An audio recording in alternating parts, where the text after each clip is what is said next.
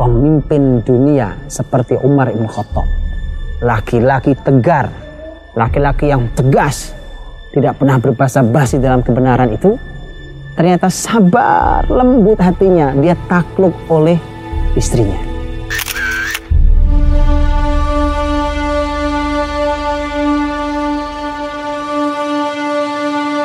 Mari kita lihat sebuah kisah yang ini dikisahkan, dinukilkan di dalam kitab uh, yang ditulis oleh Asyablanji Al-Misri dalam kitabnya uh, Nurul Absar dan juga Hasyiah Al-Bujairimi dikisahkan bahwa ada seorang laki-laki yang datang ke rumah Umar bin Khattab radhiyallahu anhu mau menemui khalifah dan mau mengadu tentang istrinya yang sangat cerewet, istrinya yang sering kali marah-marah.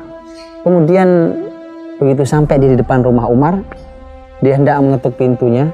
Ternyata dia mendengar bahwa istrinya Umar pun sedang marah-marah pada Umar. Maka laki-laki itu pun pergi. Tentu kita semua tahu apa yang ada dalam hatinya.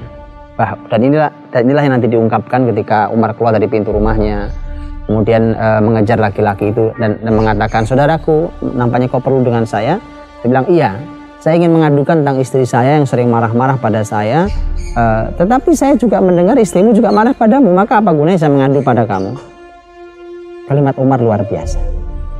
Ini pelajaran, pelajaran mahal buat para ibu, buat para wanita. Kalimat ini menarik sekali.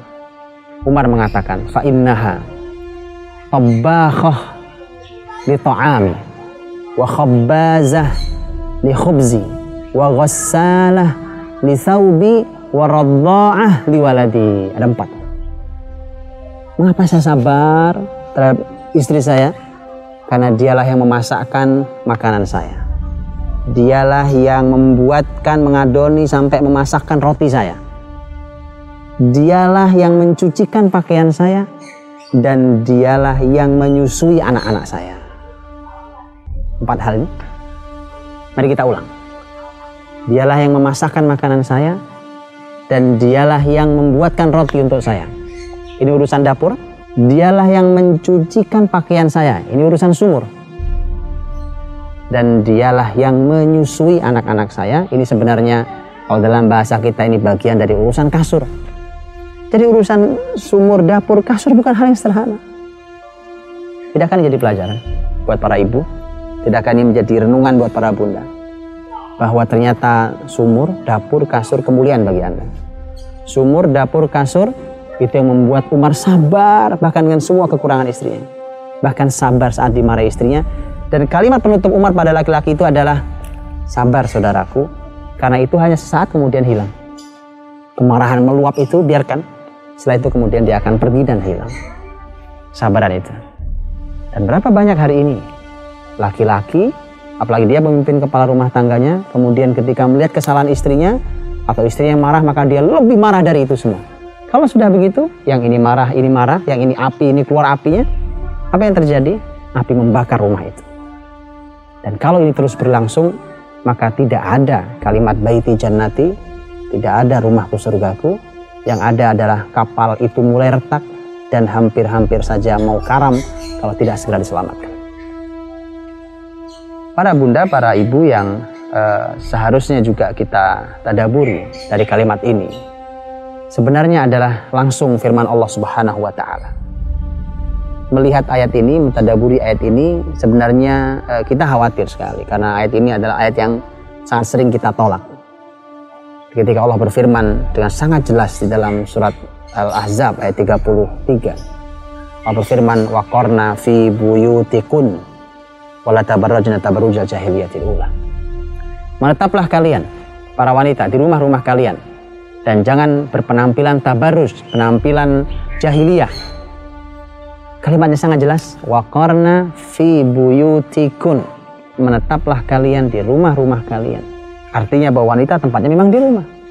Ini yang dicoba untuk peradaban hari ini untuk digiring para ibu keluar dari rumahnya masing-masing. Dengan semua alasannya. Dengan alasan ekspresi ilmu di masyarakatnya. Dengan alasan uh, bahwa wanita juga punya hak yang sama dengan laki-laki dan seterusnya. Tapi kita lupa. karukal unta. Laki-laki tidak sama dengan perempuan. Maka dari itulah hak dan kewajiban mereka pasti ada yang tidak sama. Karena tidak sama itulah maka ternyata Allah yang Maha Tahu dan Allah telah meletakkan bahwa ternyata tugas para wanita adalah di rumah mereka, tanggung jawab pertama mereka.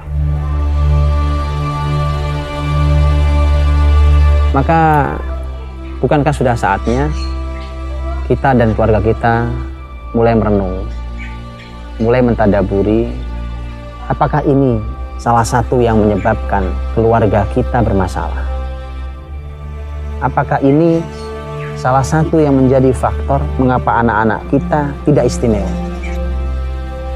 Maka ibu, pulanglah. Suamimu ingin meregup di telaga cintamu. Ibu, pulanglah. Di luar sana sangat tidak ramah untuk kelembutan. Ibu, pulanglah. Istanamu menunggu sentuhan surgawimu. Ibu pulanglah. Calon orang besar sudah duduk begitu manisnya. Siap untuk belajar di madrasahmu. Ibu, pulanglah. Pemimpin masa depan umat ini dia hanya ingin merasakan tatapan teduh pandangan. Ibu, pulanglah. Karena Allah yang memerintahkan para ibu untuk pulang. Ibu, pulang.